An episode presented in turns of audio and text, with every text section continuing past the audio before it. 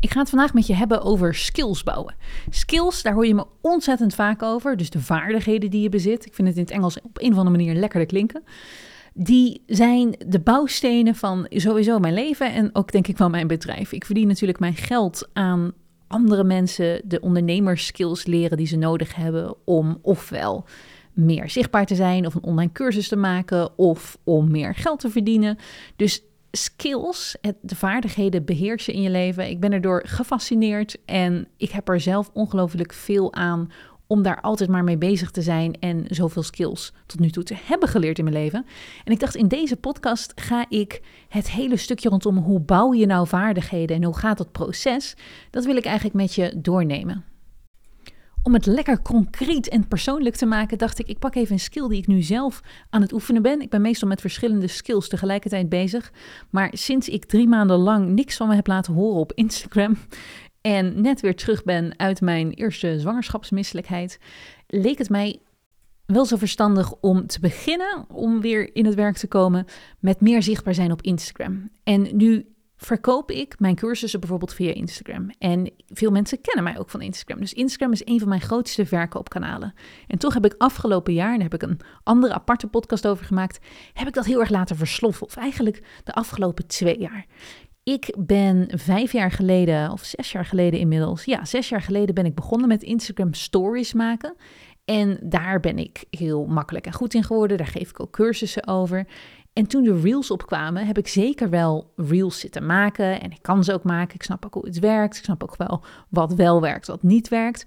Maar ik ben eigenlijk telkens een beetje te lui geweest om me echt heel erg in de reels te verdiepen. Je zal hebben gezien de afgelopen jaren, als je me al een tijdje volgt, dat op het moment dat ik echt iets te verkopen heb, dat er dan meer reels komen en dat ik verkoopreels maak. Maar gewoon door de weken heen ben ik geneigd om de meeste informatie en de meeste vlogs gewoon in stories te plaatsen. Dat gaat me heel snel en makkelijk af. Nou, er is helemaal niks mis met stories. Zij het niet dat steeds minder mensen het geduld hebben om heel veel stories af te gaan. Als het aan mij ligt, zou ik per dag iets van 50 stories kunnen maken. Zoveel verhalen zijn er te vertellen, zoveel tips heb ik te geven. Zo leuk vind ik het om in communicatie te staan met mijn community.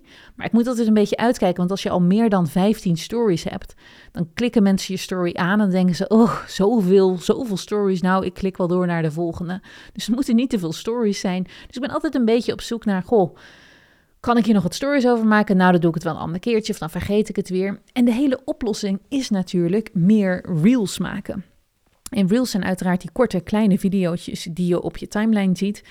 Instagram ehm, is nog steeds ook heel erg reels centraal. Als in van reels zijn ze heel erg aan het pushen naar, naar andere mensen toe. En Reels, het fijne eraan is ook nog eens dat het ook wordt gepusht naar mensen die niet jou al volgen, maar mensen die buiten jouw eigen volgerslijst zijn.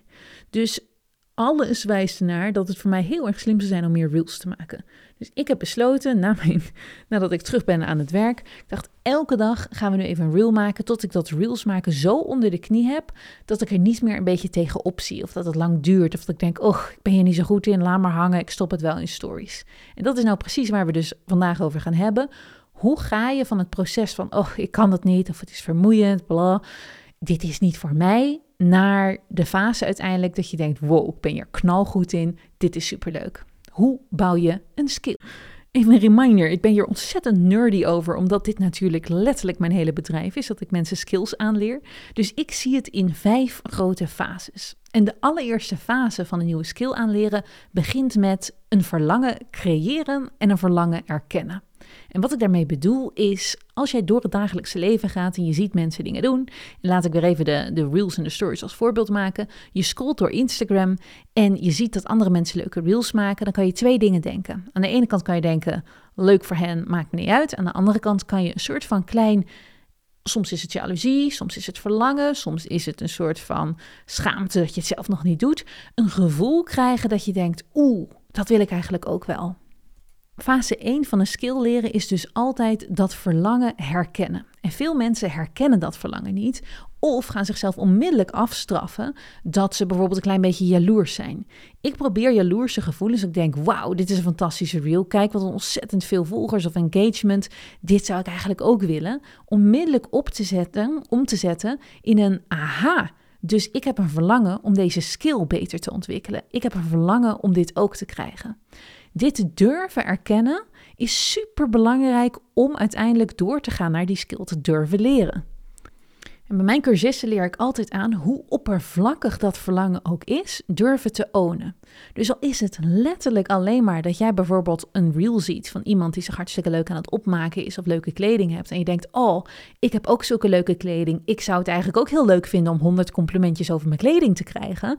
Own dat. Vind dat oké van jezelf als jij allemaal filmpjes ziet van hele leuke comedians die grappen maken en je denkt in je hoofd, man, ik heb ook zulke leuke grappen, ik wou dat meer mensen om mij lachen. Prima reden om te bedenken, weet je wat, ik wil dit meer, ik wil mijn grappen meer zichtbaar maken. Ik wil ook reels leren maken. En eigenlijk hoe meer redenen jij kan bedenken om iets te willen, hoe sterker jij waarschijnlijk en hoe sneller jij ook waarschijnlijk die skill ook echt gaat leren. Dus wat ik altijd adviseer aan mijn cursisten is over heel veel redenen nadenken waarom het nou zo, fijn zou zijn om die skill te beheren. En ik geef ook heel vaak voorzetjes natuurlijk. Dus ik vertel mensen zelf, nou, als je bijvoorbeeld de skill online cursus maken beheerst, dan krijg je meer vrijheid, meer geld, meer. Ik schets voor ze, hey, zo kan jouw leven eruit zien. Maar dat kan je dus ook in je eentje doen. Je kan letterlijk een brief aan jezelf schrijven. Nou, als ik bijvoorbeeld zulke reels kan leren maken, dan ziet mijn leven er over een jaar puntje, puntje, puntje uit. En ik vind dit er leuk aan. En ik merk dat dit de impact is op andere mensen. Dus maak het iets heel aanlokkelijks als jij die skill kan leren. Dat was fase 1, het verlangen. Fase 2 is de mindset. Dus op het moment dat jij weet, nou, ik zou dit willen leren, ik merk dat mijn leven er echt, of ik hoop dat mijn leven ervan gaat veranderen en dit zijn de redenen waarom ik het wil leren, dan komen heel vaak de excuses tevoorschijn. Dus ja, maar ik kan dat toch niet op deze manier. Ja, maar ik ben niet goed genoeg hierin. Ja, maar ik heb er eigenlijk geen tijd voor. Ja, maar zij doen het al heel erg lang en ik kom nu nog maar net kijken. En dat zijn alle honderd excuses die je voor jezelf kan maken om het maar niet te leren. Dit is uiteraard ook de fase waar de meeste mensen blijven steken. Dus dat verlangen als ze herkennen van, nou, ik zou het eigenlijk ook wel kunnen, onmiddellijk wordt dat bijna doodgeslagen door alle dingen waarom het voor hen wel niet zou lukken. Of soms begin je er wel aan en doe je twee of drie reels bijvoorbeeld maken. En denk je dan, nee, dit is toch te moeilijk. Nee, dit kan ik niet. En we komen zo meteen terug op de fases, hoe het gaat zijn als je echt aan de skill gaat beginnen. Maar dit stukje dat jij snapt, oh, en dit vertel ik aan mezelf als ik hierover denk. Of dit zijn de grote obstakels die ik voel om dit te kunnen of te gaan doen. Dat is de key om hem natuurlijk ook te veranderen. Even een heel ander voorbeeld. Stel dat jij heel graag een dagelijkse of tweedagelijkse gym habit wil hebben. Dus dat jij vaker naar de sportschool gaat.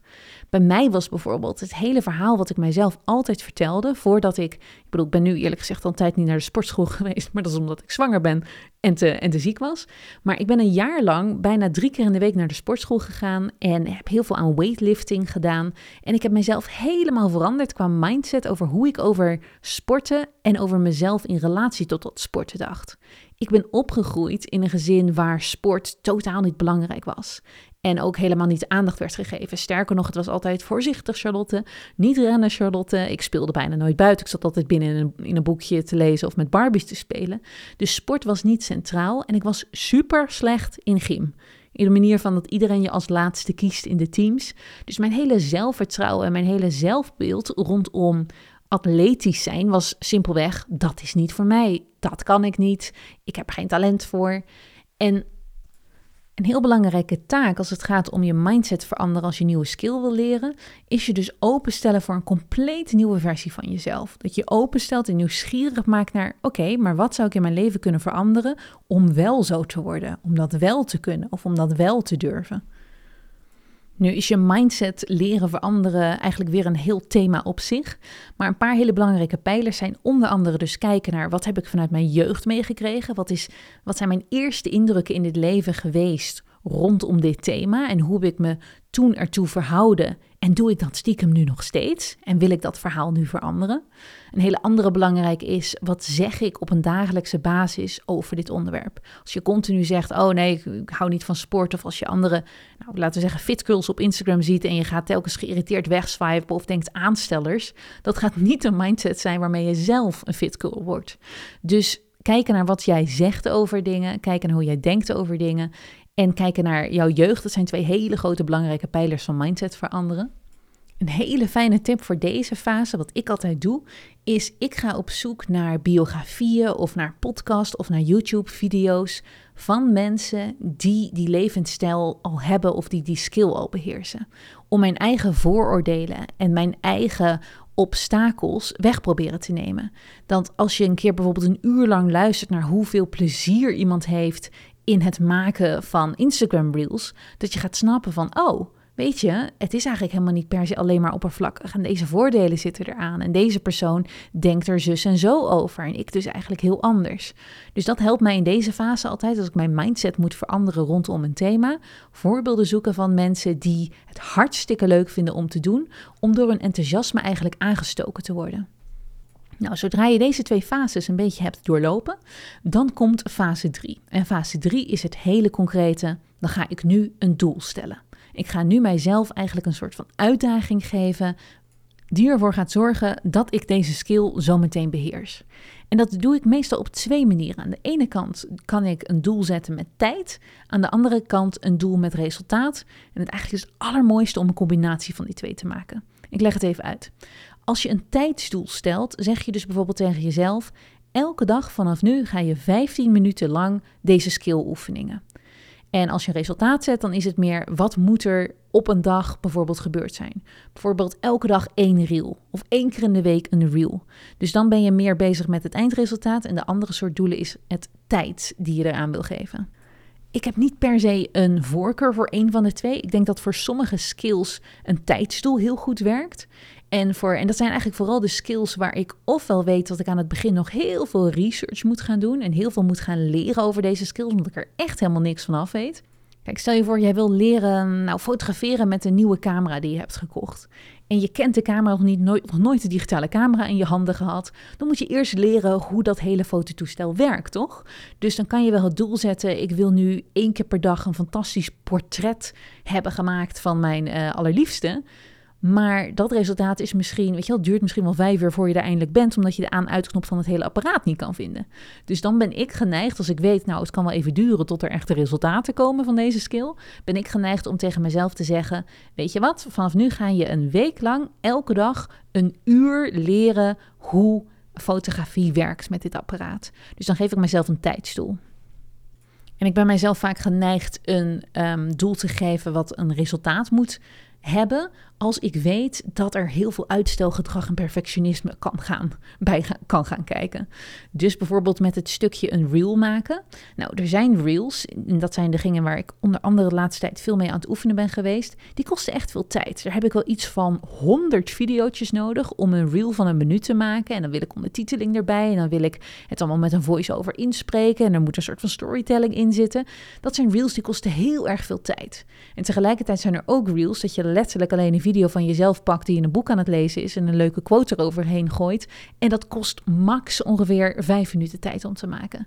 Dus ik weet, als ik nu tegen mezelf zou zeggen, nou Charlotte, je wil graag meer reels leren maken. Je gaat een tijdsdoel erop zetten, van een uur lang mag je per dag aan reels zitten. Dan is de kans misschien een beetje te groot dat ik continu na dat uur denk, nou... Ik heb veel geleerd. Ik heb nog geen reel gemaakt. Schuiven door naar de volgende dag, want ik heb mijn eigen doel gehaald. Terwijl als ik tegen mezelf zeg, je moet elke dag sowieso een reel posten, dan is de kans wat groter dat ik daadwerkelijk al dan niet helemaal perfect, en je weet, ik ben nooit zo'n voorstander van perfect, maar dat ik dus gewoon veel aan het experimenteren ben, omdat er sowieso elke dag een reel moet komen. Een combinatie van deze twee vind ik uiteindelijk het allermooiste. Dus dat ik dan tegen mezelf zeg: Oké, je gaat nu de skill leren reels maken. Daar mag je dan een uur op een dag over doen. En er moet sowieso één reel staan. Dus dan heb ik mijzelf eigenlijk gelijk een tijdsdruk gegeven bij het concrete doel, een, bij het concrete outputdoel, een reel maken. Ik probeer bij het doelen zetten van een nieuwe skill, probeer ik nooit te ambitieus te zijn. Ja, het zou fantastisch zijn als je misschien wel twee reels kan maken op een dag. En nu moet ik zeggen, één reel per dag is al best ambitieus hoor. En dat komt omdat ik natuurlijk wel, ik ben heel erg gewend aan video, ik ben heel erg gewend aan Instagram. Ik kan ook al jaren reels maken. Ik wil alleen de frequentie omhoog, dus dat was een hele belangrijke voor mij. Als ik nu helemaal nieuw was met dit allemaal, zou ik waarschijnlijk één reel per drie dagen al een heel goed doel vinden. Dus ik ben nooit te, te ambitieus en te streng voor mezelf met deze deze dingen. Tegelijkertijd zorg ik ervoor dat het wel de plek gaat innemen, want ik wil nou eenmaal die skill beheersen, een plek gaat innemen in bijna elke dag. Dus meestal als ik mijn doelen stel, als ik een nieuwe skill wil leren, ruim ik er een tijd en een plek voor in dat er elke dag even aandacht naartoe gaat. We gaan bijna naar fase 4, maar wat bij deze fase nog heel belangrijk is, is dat je er ook een eindtijd aan zet. Dus ja, ik wil nu elke dag een reel maken en dat ga ik een maand lang proberen. Of ja, je gaat nu elke dag 15 minuten besteden aan uh, dat, dat nieuwe fototoestel leren kennen. En na een week wil je daarmee klaar zijn en mag het fotograferen beginnen. Geef jezelf een eindtijd. Dan maakt het veel meer concreter en een challenge. En ook als je dus halverwege zo meteen, komen we op terug, helemaal er doorheen zit, er niks meer mee te maken wil hebben, dan kan je in ieder geval in je hoofd nog denken van, nou ja, het is ook maar een maand dat ik tegen mezelf heb gezegd. En dat je jezelf niet een ongelofelijke falert vindt als je het um, na twee dagen al opgeeft. Maar we willen niet dat dat gebeurt. En daarom gaan we naar fase 4. En dat is het hele concrete. Hoe leer je dan die skill?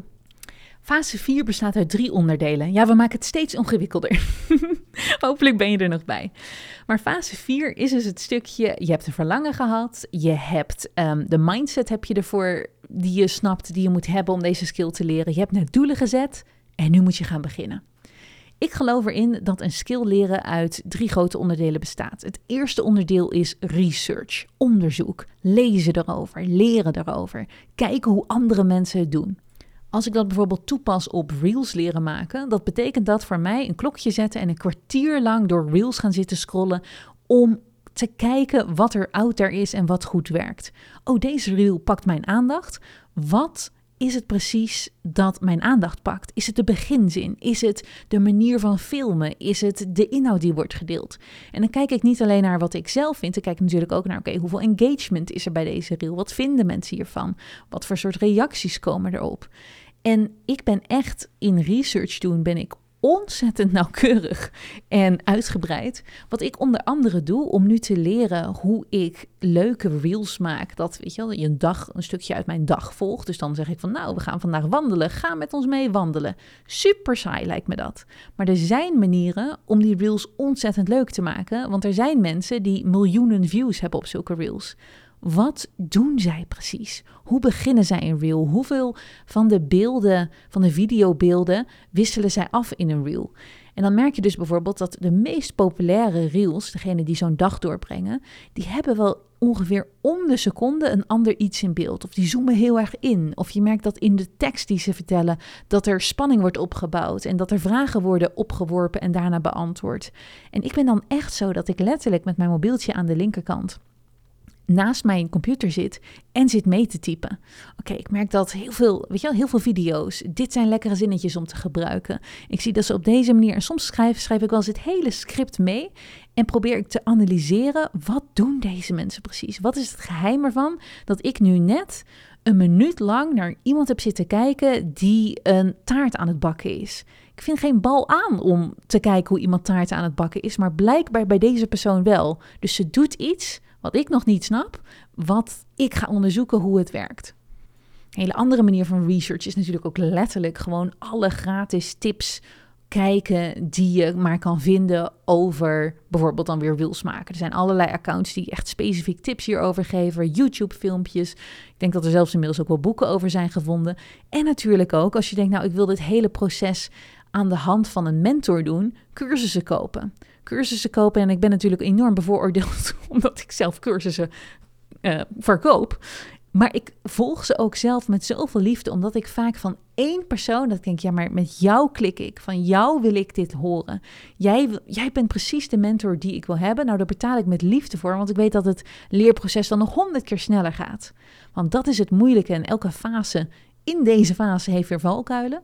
Maar het moeilijke van dit hele stukje onderzoek doen is A, dat je enorm overweldigd raakt. Je bent aan het browsen, je bent aan het kijken, je denkt onmiddellijk, nou dit kan ik allemaal nog niet, is er ontzettend veel. Je wordt bedolven onder de informatie en je beseft opeens hoe weinig je van dit onderwerp weet. Is heel deprimerend en ontmoedigend, maar ik hou toch altijd maar vol. En ik denk altijd: oké, hoe meer ik dus besef dat ik niet weet, dat betekent gewoon alleen maar dat mijn hele kennis over dit onderwerp zich aan het vullen is. Dus het enige wat ik moet doen is kennis blijven opnemen, blijven leren. En uiteindelijk kan ik hier een spreekbeurt over gaan houden als het zover zou moeten komen. En het andere wat gebeurt als je heel veel aan het research doen bent, is dat je allemaal tegenovergestelde meningen krijgt. Doe dit nooit met je reels, zegt de ene. En dan roept de andere precies het tegenovergestelde. Wat ik altijd doe met mijn reels. Dus je moet een filter leren maken. In de zin van dat je denkt: oké, naar deze persoon wil ik luisteren. Of dit pad wil ik eventjes volgen en deze niet. En dat is ook het fijne vaak als je een betaalde cursus van iemand doet. Als jij van overtuigd bent dat dit een persoon is die dus bij jou past. Waarvan je denkt: nou, van deze persoon wil ik het leren. Of deze manier van ondernemen of denken past bij mij. En ik wil op deze persoon lijken in mijn eigen output. Dan is het lekker om gewoon die cursus te kopen of die content op te nemen, omdat je dan weet, oké, dan, dan kies ik nu even deze richting. Ik doe dit zelf ook. Ik, hou, ik heb mijn eigen mentors die ik kies. Dat ik denk, oké, no matter dat andere mensen compleet iets anders zeggen, ik ga nu even naar, naar jou luisteren en het op deze manier proberen. Of ik pak de elementen eruit die ik graag van die persoon wil leren en combineer het met elementen van andere mentors van wie ik graag wil leren. Nou, na ongeveer 20.000 studenten te hebben begeleid in het leren van skills, heb ik gemerkt dat hier twee grote kampen in zijn. We hebben het kamp die zegt fantastisch research en die slaan erin door en die zijn maar aan het researchen en aan het leren en het leren en voelen zich nooit klaar om uiteindelijk naar de volgende stap te gaan, namelijk experimenteren. En we hebben de mensen die nauwelijks research en gewoon zeggen: Oh, maar ik doe het gewoon. En van alles eruit gooien, zonder dus dat er echt heel erg veel research achter zit. En om in welk kamp je nou ook zit, het makkelijkste om jouw valkuilen te voorkomen, van ofwel perfectionisme of gewoon nooit willen researchen, is toch echt jezelf een, daar kom ik weer, maar een tijd geven dat je zegt, nou, een half uur van mijn skill leer momentum in de dag mag naar research gaan. Zo doe ik het zelf ook. Ik kan zelf soms ook doorslaan, want ik vind research ja, fantastisch. Kan ik doorslaan in het, oh, nu heb ik eigenlijk net twee uur lang zitten kijken hoe andere mensen reels maken en zitten opschrijven, zitten lezen en zitten luisteren. En ik ga naar bed zonder dat er output is. Dat is niet de bedoeling. Morgen wil ik een uur max researchen en een uur gaat naar de volgende stap, namelijk experimenteren. Zullen we gelijk die volgende stap maar even behandelen? Want we zitten dus nu in de stap, sorry als het zo ingewikkeld is. We zitten in de stap skills maken. Eerste stukje daarvan is research. Tweede stukje daarvan is experimenteren. Experimenteren is natuurlijk letterlijk gaan proberen wat bij jou past. En dat kan, als het over reels hebben, kan het dus bijvoorbeeld zijn dat ik de ene dag een reel maak waar je een inspirerende quote ziet. De volgende keer een reel maak met een hele concrete tip. De dag erna zit ik te experimenteren met zo'n reel dat je mij een dag in het leven volgt. Dus ik ben heel veel verschillende stijlen, verschillende manieren van reels, verschillende, ja, de verschillende dingen die je kan doen met reels ben ik allemaal aan het uitproberen om te kijken wat bij mij past. En dit is zo'n hele belangrijke, en ik noem het ook niet voor niks experimenteren. Ik noem het niet maken of output geven. Want je moet jezelf bij het leren van een skill, die experimentfase, en die kan soms drie maanden duren, of is bij jou misschien binnen twee weken al wel gedaan, die moet je jezelf echt gunnen. Want een van de valkuilen hier vind ik, en dat is ook, dat zie ik ook als coaches om, om mij heen dingen roepen, is dat je te snel eigenlijk al wil naar, oké, wat is dan nu mijn manier? Dus als we het hebben over reels bijvoorbeeld. Ik zou nu kunnen zeggen, alright, um, ik wil meer reels maken, die skills wil ik beheersen. Dan ga ik nu kiezen voor deze brandingkleuren. En alles, alle covertjes moeten mooi roze zijn. Dit is het soort lettertype wat ik wil. Dit is het soort sfeer wat erbij past. En dat ik me al eigenlijk helemaal, nog voordat ik de skill goed beheers, heb vastgelegd op een bepaalde manier hoe ik denk dat het beste zou werken. Maar daar hoor je het al, hoe ik denk, dat weet je eigenlijk nog niet als je aan het begin van een skill staat. Ik weet nog niet wat ik zelf fijn vind. Ik weet nog niet wat mijn doelgroep leuk vindt. Ik weet nog niet wat ik makkelijk vind om te werken. Dus ik probeer altijd bij het leren van een skill mijzelf heel breed uit te laten waaieren in het ontdekken van de veelzijdigheid van die skill. En om een heel ander voorbeeld te geven wat mijn punt illustreert, stel dat jij de skill gitaar spelen wil leren. Omdat jij iemand hebt gezien die de meest fantastische ballades zingt. Ballades, is dat het woord? en je denkt, dat wil ik ook, romantische liedjes zingen. En je gaat je vanaf het leren van die skill alleen maar daarop focussen. Dan merk je misschien niet hoe geweldig jij. Ik weet helemaal niet wat je op een gitaar kan doen, wat een dom voorbeeld is dit. Maar weet je helemaal niet dat je bijvoorbeeld heel goed in rockmuziek bent. Stel je voor dat je kan rappen met een gitaar. um, en je oefent dat nooit, dan weet je niet hoe goed je daarin bent.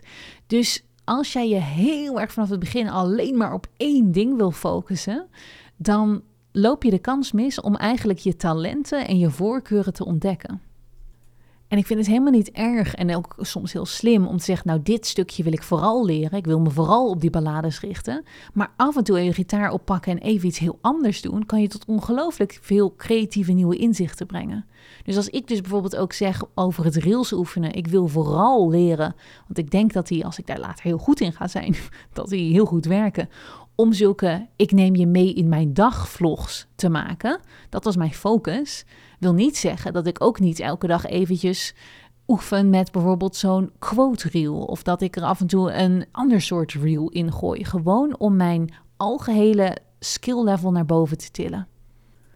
Een van de dingen waarom ik dit zo belangrijk vind, is ook omdat deze experimentfase hier ga je dus merken hoe super moeilijk het is, een nieuwe skill leren. Dat je zin hebt om je telefoon in de hoek te gooien, want de letters lukken maar niet en het lettertype lukt maar niet. En je hebt helemaal in je hoofd dat er een bepaald covertje moet en het lukt jou niet om dat covertje te doen.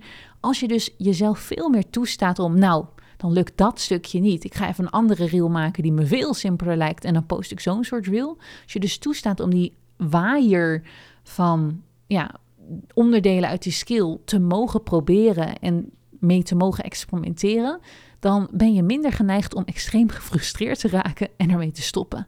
Want dat gaat natuurlijk gebeuren. Bij het, bij het leren van een nieuwe skill ga je dus beseffen: oh, wacht eens, ik doe hier nog hartstikke lang over. En dat is samen met het eh, research en het experimenteren het derde belangrijke onderdeel van een skill oefenen. Dat is het verbeteren. En verbeteren is dus letterlijk in de gaten houden, tracken hoeveel beter je nu bent dan de dag daarvoor. Hoeveel beter je bent dan een week geleden. Het is hierbij altijd belangrijk om even te op te merken dat voor jou jouw progress veel langzamer lijkt dan het eigenlijk gaat. Omdat jij elke dag ermee bezig bent en elke dag een beetje gefrustreerd bent en elke dag overweldigd bent, lijkt het allemaal een hele grote taak. Maar als je jezelf vergelijkt en probeer dus die periodes ertussen ook echt een beetje groter te houden met twee weken geleden, toen je de allereerste reel maakte, dan gaat het waarschijnlijk nu al veel sneller. Dat is een van mijn lievelingstrucs om mezelf wat minder gefrustreerd te maken. In plaats van dat ik heel erg kijk in mijn progress naar, oh, en heb ik nu heel veel nieuwe volgers door deze reel? Of wordt deze reel dus nu door heel veel mensen geliked? AK twee hele belangrijke pijlers natuurlijk om te kijken of een reel goed werkt. Probeer ik vooral in het begin heel erg mild naar mezelf te zijn en heel erg juist te letten op, kan ik het al beter, deze skill? Twee, twee weken geleden deed ik misschien twee uur over een reel maken. Nu doe ik er twintig minuten over. Dat is tien keer sneller. Ongelooflijk, wat een progress. En dat maakt me even niet uit als ik er nog geen enkele volger of geen enkele like bij heb. Dus in het begin van het leren van een skill ben ik vooral gefocust op mijn eigen leerproces en hoe dat wel of niet fijner, makkelijker, sneller gaat. Oh, gelukkig. Ik vond het nog zo eng om voor de camera te praten. Of ik vond het zo eng om mijn stem terug te horen in zo'n voice-over. En nu gaat het eigenlijk best wel makkelijk dat ik op die dingetjes let. Dit punt, verbeteren en in de gaten houden of je progress maakt, is wel een hele belangrijke. En ook hier moet ik zeggen dat sommige mensen dit het liefst overslaan. Dat snap ik, want het is helemaal niet zo leuk om kritisch naar jezelf te moeten kijken of je daadwerkelijk vooruitgang maakt. Want je bent al hartstikke trots dat je het aan het doen bent. En je hebt al heel veel obstakels moeten overwinnen. En het kost allemaal tijd. En je neemt er maar, weet je wel, je, geeft er ruimte aan. Ja, en dat de resultaten tegenvallen is super naar, maar dat is eigenlijk niet jouw schuld. En dat laatste stukje, dat is natuurlijk nooit waar. Het is altijd jouw eigen schuld. Dat klinkt heel hard, maar dat is toch echt zo. Want als jij bijvoorbeeld al, nou laten we zeggen, vijf maanden reels maakt en eigenlijk worden die reels niet bekeken, dan is er wat mis met de kwaliteit reels. En dat is het hele leuke aan bezig zijn met online. Je kan vaak heel veel statistieken zien. En nu weet ik dat in Europa de statistieken soms wat uh, strenger door alle wetgeving, sommige mensen heel blij mee zijn, wat ik allemaal fucking overdreven vind, um, enorm aan banden wordt gelegd. Dus bijvoorbeeld, ik kan in mijn reels, omdat ik in Amerika woon, kan ik bijvoorbeeld kijken hoeveel procent van de mensen afhaakt na twee seconden, na drie seconden, na vier seconden. Dus als ik dan zie dat mijn reel, die ik met vol liefde heb gemaakt en die maar 12 seconden duurt, dat de helft van de mensen na vier seconden denkt: oké, okay, tabé, saai. Dan weet ik, alright, ik moet aan mijn eerste vier seconden werken. En mijn volgende reel die ik ga maken, moet een boeiender begin hebben, een betere hoek hebben, een beter, een beter beeld misschien hebben. En ga ik weer op zoek, terug naar de researchfase, hoe doe ik dat dan beter? Of als ik zie dat de ene reel bijvoorbeeld 300 nieuwe volgers erbij heeft dat ik daardoor 300 nieuwe volgers heb en een andere reel die ik doe heeft twee nieuwe volgers, dan weet ik, oké, ik deed iets goed. Wat heb ik gedaan? Heb ik daar in de tekst gezet, volg me? Was het een meer interessante inhoudelijke reel? Maar ik heb iets beter gedaan in die andere reel. En zo continu naar mijn proces kijken. En dit zie ik trouwens door op inzichten te drukken. En nogmaals, bij jou kunnen de inzichten kunnen veel minder gedetailleerd zijn soms dan bij mij. En het ligt er ook nog eens aan of jij op Instagram bijvoorbeeld een business profiel hebt, wat ik heb. Je hebt een creator profiel, een business profiel en een normaal profiel. Dat is allemaal gratis, maar zorgt voor net wat andere instellingen. Ga daar maar naar researchen. Ehm, ik, ik, kan veel inzichten zien omdat ik dat business profiel ook heb. Maar ik weet dus niet of jij precies alle inzichten hebt die ik heb. Maar dan kan je ook weer denken, nou dan ga ik op zoek naar een andere app, bijvoorbeeld TikTok, waar ik misschien wel weer wat meer inzichten heb. Ik wil leren hoe ik korte filmpjes maken en de aandacht trekken. En ik wil leren hoe ik kan verbeteren. En als je niet heel veel informatie hebt, dan zegt natuurlijk ook wel het aantal reacties of het aantal likes op een reel. Dat zegt ook al dingen over de reel.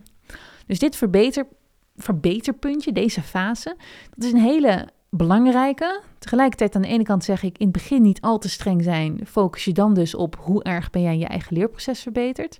En aan de andere kant zeg ik, hmm, als mensen hier zich meer op zouden richten en eerlijk naar hun naar hun resultaten durven kijken en er dan op handelen en er dan weer verder op researchen en weer meer gaan mee experimenteren. En daarom heb ik deze drie fases, research, experimenteren en verbeteren, natuurlijk in één grote stap gezet. Dit is het leren van de skill. Dit is de kern van de skill leren. je gaat dus telkens tussen deze fases heen en weer. Oké, ik merk dus dat mijn begin niet zo goed werkt. Mensen haken af. Ik ga terug naar de research om te leren hoe ik betere beginnetjes maak. En dan de volgende reel die ik ga maken, ga ik experimenteren met een heel ander soort begin. Dus we hebben het nu zo ver gehad over als allereerste begin je met een verlangen hebben voor een skill leren. Dan heb je de mindset die daarbij nodig is om echt je toe te zetten die skill te willen leren. Dan ga je doelen stellen. Dan ga je de skill daadwerkelijk oefenen door te experimenteren, researchen en te verbeteren. En het verhaal zou niet compleet zijn als ik niet dit allerlaatste punt nog wil gaan benoemen. En het laatste punt van een skill leren is een hele belangrijke. En dat is er een habit, een ritueel van te maken en het in je leven te passen. Dit nieuwe wat je hebt geleerd, deze nieuwe skill. Dus op het moment dat jij bijvoorbeeld besluit, ja, ik wil meer reels maken, heeft dat verschillende implicaties. Als allereerste moet jij vaker op je mobieltje naar je mobieltje staren en kleine filmpjes in elkaar gaan zitten knutselen. kan je trouwens ook allemaal op de computer doen hoor, maar ik maak mijn reels altijd gewoon op mijn um, mobieltje so far. Dus je moet al tijd vrijmaken in de dag om dat te doen. Dat is niet het enige. Om materiaal te hebben voor de reels moet je bijvoorbeeld ook, ligt er een beetje aan wat voor soort reel je maakt, maar de hele dag door stukjes filmen. Dus toen ik bijvoorbeeld ook besloot, zes jaar geleden, om met Instagram te beginnen, moest ik heel erg de identiteit aannemen van bijna een influencer. Iets wat heel ver van me afstond. Om te denken: ja, Charlotte, je gaat nu een stukje filmen dat je bij de bakker staat. En je gaat nu een stukje filmen met je gezicht, lopend op straat, dat je met het broodje naar je huis toe loopt. En als er voortaan vriendinnetjes komen, dan film je bijvoorbeeld heel gezellig het weer zien. Zo zijn natuurlijk altijd hele leuke stukjes om uit te pikken en te filmen. Maar het voelt wel vaak een beetje ongemakkelijk. Je moet je over de drempel heen zetten dat eerst jij een persoon was die deze skill niet had en dus ook al die dingen niet hoefde te doen, maar dat je dat nu voor die skill moet, moet gaan doen. Voor dit stukje is het zo ontzettend fijn als je heel erg terug kan grijpen op dat allereerste stap waar we mee begonnen, dat verlangen. Wat verandert er in je leven als je deze skill goed beheerst. Dus dat je als je het heel moeilijk vindt en heel schaamtevol om in de supermarkt bijvoorbeeld een stukje te filmen, maar je denkt wel, oh, dit zou zo'n leuk vlog zijn, dit zou zo goed werken, dat je toch het doet en je over die schaamte heen zet. En een van de grootste dingen hier in dit stukje, het in je leven passen, nieuwe identiteit aannemen en de skill echt op dagelijkse basis jouw leven laten veranderen, is heel erg hoe durf jij om te gaan met de opmerkingen van mensen om je heen die jou opeens deze skill zien doen. En dit is zo'n belangrijk punt, omdat eigenlijk bij bijna elke verandering die jij in je leven doorbrengt, die groots is, en of dat nou is gezond eten of meer sporten of opeens gaan verkopen, jezelf wat ZZP'er in de markt willen zetten of gaan vloggen, daar komt commentaar. En je kent het misschien wel, want ik denk dat gezond eten misschien een van de dingen is die, we het, die het meest herkenbaar is voor iedereen. Dat als jij opeens besluit vanaf vandaag wil ik geen suiker meer eten, hoe vaak jij je daarover niet moet verdedigen naar andere mensen die er wat van vinden. Ah joh, doe gezellig mee. Of nou, één dingetje kan toch wel, maar honing mag je toch wel hebben. Ja, maar weet je dat je continu eigenlijk je heel sterk in de schoenen moet, moet staan voor hetgene waar jij nu in gelooft. En jammer genoeg zijn het bij de skills die ik vaak mensen aanleer, en daarom ben ik er waarschijnlijk ook zo gepassioneerd over, zijn dat vaak de skills die toch wel de meeste weerzin of de meeste opmerkingen bij mensen oproepen. Bij mijzelf ook hoor, toen ik mijn eigen ondernemerskills en mijn eigen vlogskills allemaal aan het uh, oefenen was, was het ook altijd van, nou, wie denk je wel niet dat je bent? Een influencer? Oh nee, weer met die camera zeker. Oh, nou, je zal wel heel narcistisch zijn. Of als het gaat om het verkopen en dat ik meer zichtbaar ben en dat ik mijn cursussen aan het promoten ben. Oh, verschrikkelijk. De hele tijd roepen dat je cursussen te kopen hebt. En ik denk altijd dat het helpt, en daarom ben ik er soms ook best wel open over, dat je weet dat dat voor iedereen zo begon. Dus elke influencer die jij reels ziet maken, die is ooit begonnen bibberig in haar eentje, een beetje ongemakkelijk, met mensen om haar heen die zeiden: Oh, wat cringe, oh, wat erg, oh, wat gênant. Of achter je rug gingen praten. En met verkopen ook. Oh, wie denkt ze wel niet dat ze is? Oh, ze gaat toch opeens geld voor vragen. Dus weet dat jij een pad loopt waar heel veel andere succesvolle mensen ook ooit hebben gestaan. En mij bemoedigt dat ook altijd wel. Dat ik denk van, alright, ik krijg nu al deze opmerkingen naar mijn hoofd geslingerd. Ha, dat zal Tony Robbins vroeger ook wel hebben gemerkt of gehad. Ik ga vrolijk verder.